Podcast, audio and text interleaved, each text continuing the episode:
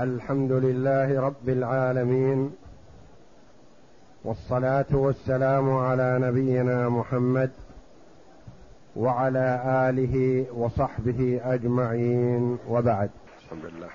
الحمد لله رب العالمين والصلاة والسلام على أشرف الأنبياء والمرسلين نبينا محمد وعلى آله وصحبه أجمعين. قال المؤلف رحمه الله تعالى فصل. ومن أجر عينا فامتنع من تسليمها فلا أجرة له لأنه لم يسلم المعقود عليه فلم يستحق عوضه. كالمبيع إذا لم يسلمه. كالمبيع. كالم كالمبيع إذا لم يسلمه. قول المؤلف رحمه الله تعالى فصل ومن أجر عينا فامتنع من تسليمها فلا أجرة له. أجر دارا فلم يسلم مفتاحها. أجر سيارة فلم يسلمها المستأجر. أجر بعيرا فلم يسلمه. أجر غلاما له فلم يسلمه. في هذه الأحوال كلها لا يستحق من الأجرة شيء. ما يقول تعاقدنا وإياك على أجرة هذا البيت اعتبارا من واحد رجب فإذا به يمتنع ما يسلم العين المؤجرة. ويقول اتفقنا في العقد على واحد رجب. نعم اتفقنا في العقد على واحد رجب لكن ما سلمت العين. فالمدة التي لم يسلم فيها العين لا يستحق شيئا من الأجرة لأنه لم يسلم المعقود عليه التي هي العين. وكلمة العين تشمل الدار والأرض والسيارة والراحلة والغلام وغير ذلك مما يؤجر. فلم يستحق عوضه كالمبيع مثل المبيع إذا لم يسلمه فهل يستحق ثمنه؟ لا ما يستحق ثمنه حتى يسلم المبيع. نعم. وإن سلمه بعض المدة ومنعه بعضا فقال أصحابنا لا أجرة له لأنه لم يسلم ما تناوله العقد. فأشبه الممتنع من تسليم الجميع. وإن سلمه بعض المدة ومنعه بعضا فقال أصحابنا أي الحنابلة لا أجرة له. إذا سلمه إذا أجره مثلا اعتبارا من كذا فإذا به يمضي وقت ما يسلمه الأجرة. أجره اعتبارا من واحد رجب فانتظر ما سلمه إياه. فإذا به في واحد شعبان يأتي ويقول خذ المفتاح بارك الله فيك هذا البيت الذي أجرناك. أقول لا أنا مستأجر من واحد رجب. ما سلمتني المفتاح فأنا استأجرت غيره فلا تستحق علي شيء. يقول اتفقنا وإياك على عقد مبرم على أنه من واحد سبعة يبدأ الأجار.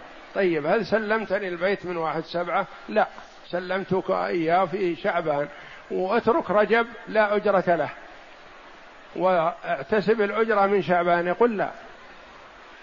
اتفقت وإياك على أن تسلمني البيت أو العين المؤجرة من واحد سبعة. فإذا بك ما تسلمها إلا في واحد ثمانية أنا استأجرت غيرها. فلا يستحق شيئا. لأنه لم يسلم ما تناوله العقد فأشبه الممتنع من تسليم الجميع. مثل لو امتنع ما سلمه أبدا فلا يستحق شيئا. سلمه بعض المدة يقول لا يستحق شيئا من الأجرة.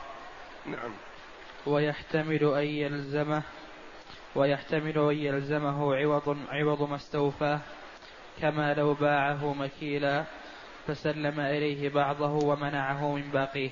ويحتمل يلزمه من الأجرة بقدر ما انتفع في المبيع إذا كان انتفع في المبيع. فتلزمه الأجرة. قالوا قياسا على المبيع المكيل والموزون الذي لا يلزم إلا بعد استيفائه بالكيل أو الوزن. فتحتسب بقية المدة تلزم التي انتفع بالبيت أو بالعين المؤجرة وما لم ينتفع بالعين المؤجرة فلا أجرة له عليها. وإن أجر نفسه على عمل وامتنع من تمامه فكذلك فكذلك انتبه هذه مهمة قد يبتلى بها كثير من الناس. وإن أجر نفسه على عمل وامتنع من تمامه. استأجر هذا الرجل لمدة ثلاثة أشهر. يسوق السيارة أو يعمل كذا أو يعمل كذا أو يخدمه أو نحو ذلك. لمدة ثلاثة أشهر أو لمدة سنة دراسية أو لمدة ستة أشهر أو لمدة كذا. فإذا بهذا العامل يعمل عنده شهر. ثم يقول له يا أخي عملك هذا شاق عطا أجرتي عن الماضي ومع السلامة. فيقول له المستأجر مالك أجرة علي حتى تكمل المدة التي اتفقنا عليها. اتفقت وإياك على أن تعمل عندي مدة ثلاثة أشهر. فأنت إذا عملت شهر وتركتني فوت علي شيئا كثيرا. قال لا يستحق شيء من الأجرة ما دام الاتفاق على ثلاثة أشهر أو ستة أشهر وعمل عشرين يوما أو شهرا أو أقل أو أكثر وقال انتهيت ألغي العقد أعطني أجرة ما مضى يقول لا تستحق علي شيء. يقول أنا عملت عندك شهر. نعم عملت عندي شهر لكن اتفقنا على ثلاثة أشهر. وأنا لي غرض في هذه الثلاثة الأشهر هي مدة إقامتي في مكة هي مدة كذا مدة الدراسة مدة إلى آخره لي غرض فيها. فلا يستحق عليه شيئا في هذه الحال. بخلاف ما إذا اتفق معه على العمل شهريا بكذا ولم يذكر مدة. وإنما الشهر بكذا. فعمل شهر فإنه يستحق إجرته حتى وإن كان ينوي أن يعمل عنده سنة أو نحو ذلك. فرق بين أن يكون الاتفاق على ثلاثة أشهر أو على ستة أشهر أو على عام دراسي أو نحو ذلك فإذا به يحاول إلغاء العقد وانهاءه قبل المدة ويقول أعطني أجرة ما مضى تقول له لا تستحق علي شيء حتى تكمل المدة التي بيني وبينك. يقول ألسنا اتفقنا بالشهر ألف ريال؟ نقول نعم اتفقنا بالشهر ألف ريال على أنك تعمل عندي ثلاثة أشهر. ما عملت عندي ثلاثة أشهر ما تستحق علي شيئا. وهذا معنى قول المؤلف رحمه الله وإن أجر نفسه على عمل وامتنع من تمامه فكذلك يعني لا يستحق عليه شيئا حتى يكمل. يقول له اكمل. أحيانا مثلا يتفق معه على عمل في الموسم. في موسم الحج مثلا من عشرين ذي القعدة إلى عشرين ذي الحجة. فإذا به يعمل إلى عشرة ذي الحجة مثلا أو خمسة ذي الحجة ويقول خلاص أعطني حقي نصف شهر. أقول لا ما تستحق شيء حتى تكمل المدة. لأني ربما لا أجد من يكمل عملك هذا إلا بالمدة بالأجرة مضاعفة.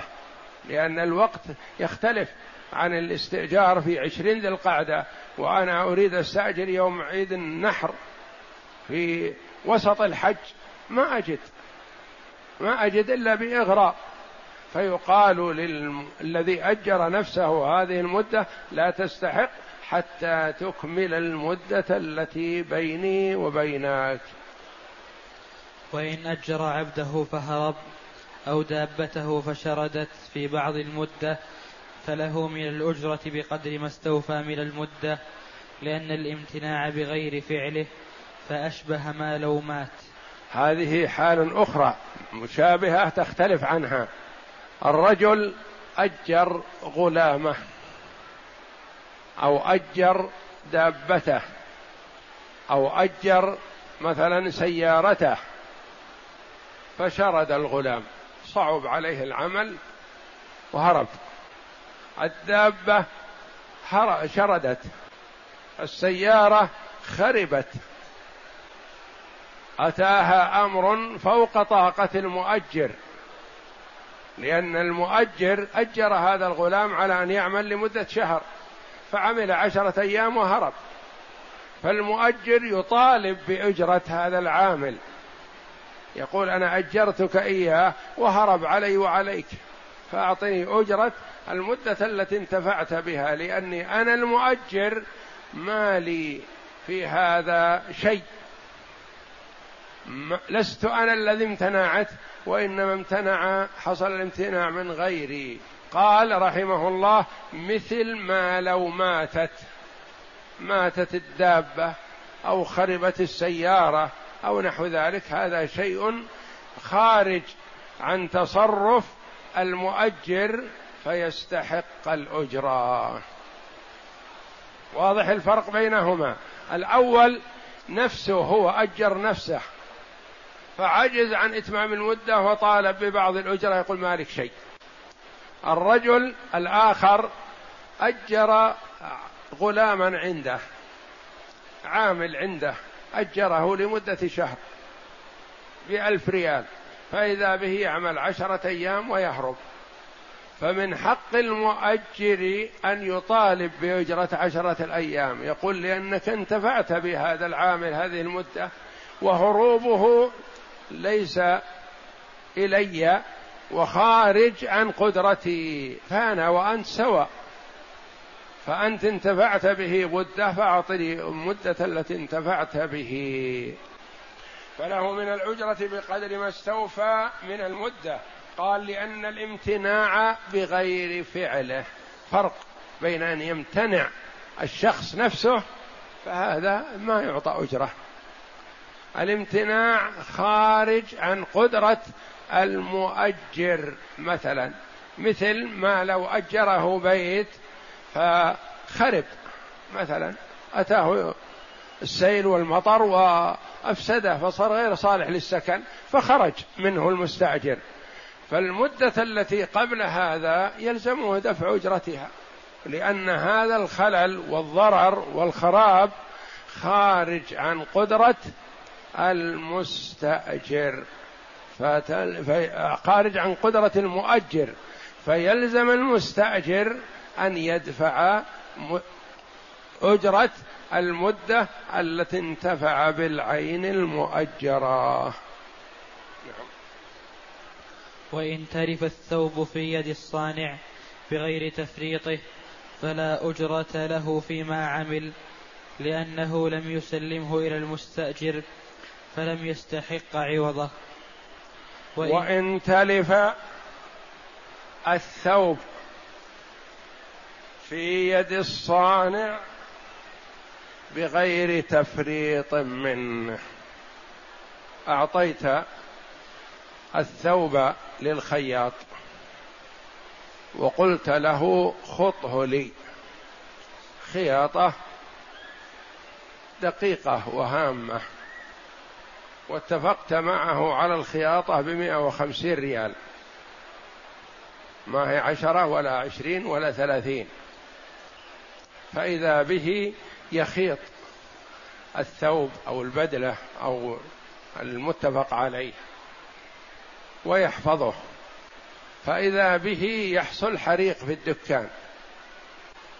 فتأتيه حسب الموعد تقول ثوبي يقول أنا خذته كما اتفقنا ولكن حصل ما لا طاقة لي به احترق ثوبك مع ثياب غيرك وأنا خذته فأعطني الأجرة 150 ريال ويخلف الله عليك الثوب هل يلزمك أن تدفع الأجرة؟ لا لأنك تقول يا أخي لو أعطيتني الثوب وقد خيط أعطيتك الأجرة. لكن أنت تذهب عليك الأجرة وأنا يذهب علي الثوب. ما دام أنك ما فرطت ما فرط فتذهب عليه الأجرة. والمالك الثوب يذهب عليه الثوب ولا يطالب أحدهما الآخر بشيء. ما يقول أعطني أجرة الثوب 150 ريال خذته ثم احترق. قال لو سلمتني إياه وأعطيتك الأجرة. لكن في هذه الحال ما يلزم تسليم أجرة لأنه ما سلمه إياه. هذا إذا لم يكن هناك تفريط من الخياط مثلا. صورة أخرى يكون فيه تفريط. نعم. وإن تلف بتفريطه خير المالك بين تضمينه إياه معمولا ويدفع إليه أجرته وبين تضمينه إياه غير معمول ولا أجرة له. وإن تلف بتفريطه. تلف الثوب هذا المخاط بمئة وخمسين ريال خيط بمئة وخمسين ريال ووضعه في الرف. ثم إنه وضع الستارة على الدكان وذهب. أقول ما يحتاج أن نزل الباب. ذهابي كله نص ساعة ربع ساعة. حط ستارة وذهب. فلما عاد وإذا الثوب قد أخذ لأنه متميز وخياطته متميزة فمر شخص وأخذه ومشى. جاء صاحبه إلى الخياط فقال يا أخي ثوبي قال سرق. نقول ما كيف سرق؟ يقول وضعت الستارة وذهبت لأقضي حاجة فلما رجعت ما وجدت ثوبك. وأنا خذته كما اتفقنا بمئة وخمسين ريال فأعطني الأجرة وخلف الله عليك. يقول لها يقرره يسأله كيف سرق حتى لا ينكر. يقول مثلا وضعت الستارة أي وقت ضحى مثلا. في الدكان أحد لا ما في أحد وهكذا. فنقول في هذه الحال أولا الخياط فرط. ما نوع هذا التفريط؟ كونه وضع الستارة بس. ذهب إلى القاضي فوجدك أنت قاضي القضية. فماذا أنت قائل؟ تسأل الخياط هل خذت الثوب؟ يقول نعم خذته بكم بمئة وخمسين ريال؟ كيف وضعته؟ كيف أخذ؟ كيف متى ذهبت؟ نهارا أو ليلا؟ ستارة أو أغلقت الباب؟ قرره فأخبر بالصدق. فيلتفت إلى صاحب الثوب ويقول له الآن أنت بالخيار. إن شئت غرمه الثوب مخيطا وسلمه الأجرة. وإن شئت غرمه الثوب قماشا لا مخيط ولا تسلم أجرا. الخيار لصاحب الثوب لأن هذا فرط بوضع الستارة. فنقول الأجرة 150 ريال مثلا. هذا الثوب بدون خياطة قيمته 500 ريال. مثلا. فإذا خيط وخرج مناسبا قيمته سبعمائة ريال. نقول لصاحب الثوب أنت بالخيار إن شئت ادفع له أجرة الخياطة وغرمه الثوب مخيطا بسبعمائة ريال وإن شئت غرمه القماش غير مخيط ولا تدفع له أجرة خياطة حتى وإن دعا أنه خاطأ. الخيار لمن؟ لصاحب القماش. قد يختار أن يغرمه إياه مخيطا لأنه إذا خيط يكون أغلى. وقد يختار أن يغرمه قيمة القماش ولا يدفع له أجرة الخياطة. ونفس الصورة هذه مثلا إذا كانت السرقة ليلا وقد أقفل الباب فكسر الباب وأخذ الثوب. في هذه الحال لا غرامة ولا يلزم أجرة مثل الأولى. نهارا ووضع ستارة ولم يقفل الباب فيكون مفرط فيخير صاحب القماش إن شاء غرمه الثوب مخيطا ودفع أجرة الخياطة. وإن شاء غرمه الثوب قماش بدون خياطة ولا يدفع له أجرة خياطة. وإن تلف بتفريطه انتبه هناك فرق بين تلف العين بتفريط من الصانع الذي هو الخياط أو النجار أو الحداد أو أي عامل. أو تلفت العين بدون تفريط منه ففرق بينهما. فإذا تلفت العين بدون تفريط فلا غرامة عليه إلا أنها تذهب عليه أجرة الصناعة. وإن كان التلف بتفريط منه فيغرم الثوب أو الحديد أو أي نوع المواد الخام يغرم إياها وإن شاء المالك غرمه إياها معمولة ودفع الأجرة وإن شاء غرمه الأشياء غير معمولة ولا يلزمه دفع أجرة. وإن استأجر الأجير المشترك اجيرا خاصا فأتلف الثوب فلا ضمان على الخاص ويضمنه المشترك. هذه صورة تقع بعض أنواع هذه الإجارة هذه يبتلى بها بعض الناس. وإن استأجر الأجير المشترك أجيرا خاص. تقدم لنا هناك قبل أيام فرق بين الأجير المشترك والأجير الخاص.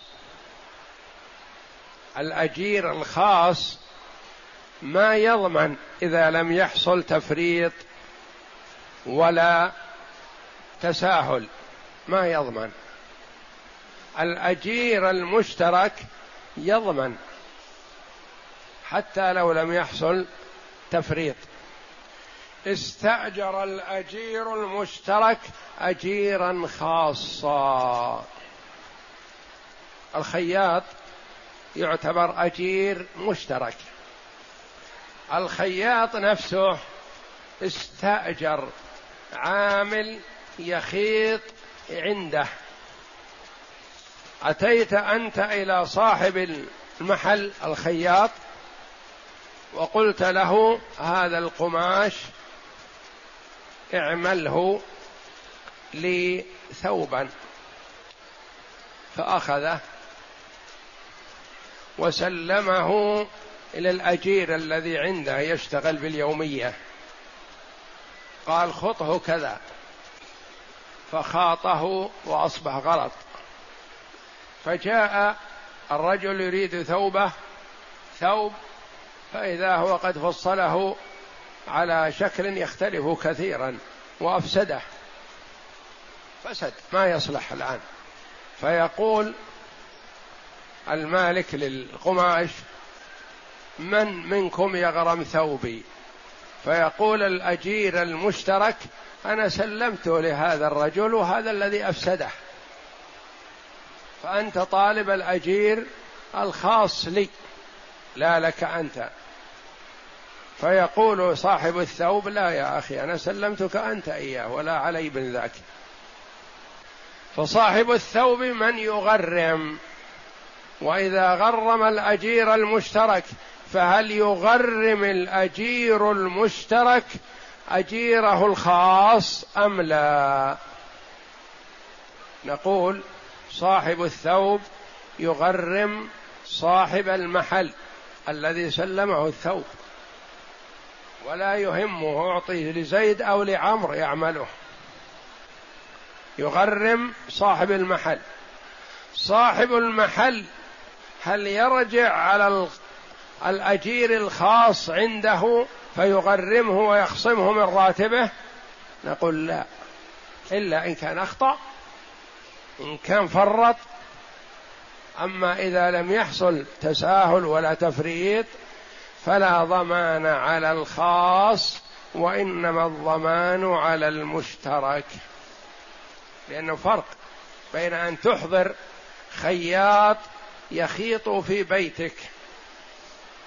هذا يسمى أجير خاص. أو تأخذ قماش لك ولأولادك ولأهلك وتسلمه لصاحب محل يخيط لك ويخيط للناس الآخرين. هذا يسمى أجير مشترك. الأجير الخاص أفسد الخياطة بتفريط منه تلزمه. أفسدها بدون تفريط منه. ولا تساهل ما يلزم شيء. الأجير المشترك يلزمه ضمان الخياطة سواء كان بتفريط أو بدون تفريط. يلزمه لأنه مشترك. ولا يصح أن نقول مثلا إنه ما فرط وش درينا؟ قد يقول إني ما فرطت ولا تساهلت وما هو في بيت الرجل يدري عنه. فيلزمه فالأجير المشترك يغرم ما فسد بيده والأجير الخاص لا يغرم ما فسد بيد أجيره إذا كان خاص. مثل هذا لو الرجل أحضر طباخ إلى بيته ليطبخ له مائدة مائدة عرس. فطبخ لكن فسد الطعام. هل يلزم هذا الأجير بالغرامة؟ ولم يكن هناك تفريط وإلا أي مفرط يلزمه. الرجل في وليمة العرس أرسل المواد إلى الطباخ لأجل يعمله فإذا به يفسد. ولم يحصل تفريط ولا تساهل فيلزمه ضمانه لأن هذا الأخير أجير مشترك يعمل في محله والأول أجير خاص ما يضمن إلا في حالات التفريط والإهمال. والشريعة الإسلامية تفرق بين اليد الأمينة وغير الأمينة لأن يد تعتبر أمينة ويد تعتبر غير أمينة أو يد غاصب أو يد قبضت العين لصالحها فيلزمها. بخلاف من قبض العين لغير صالحه فإنه لا يضمن. والله أعلم. وصلى الله وسلم وبارك على عبد ورسول نبينا محمد وعلى آله وصحبه أجمعين.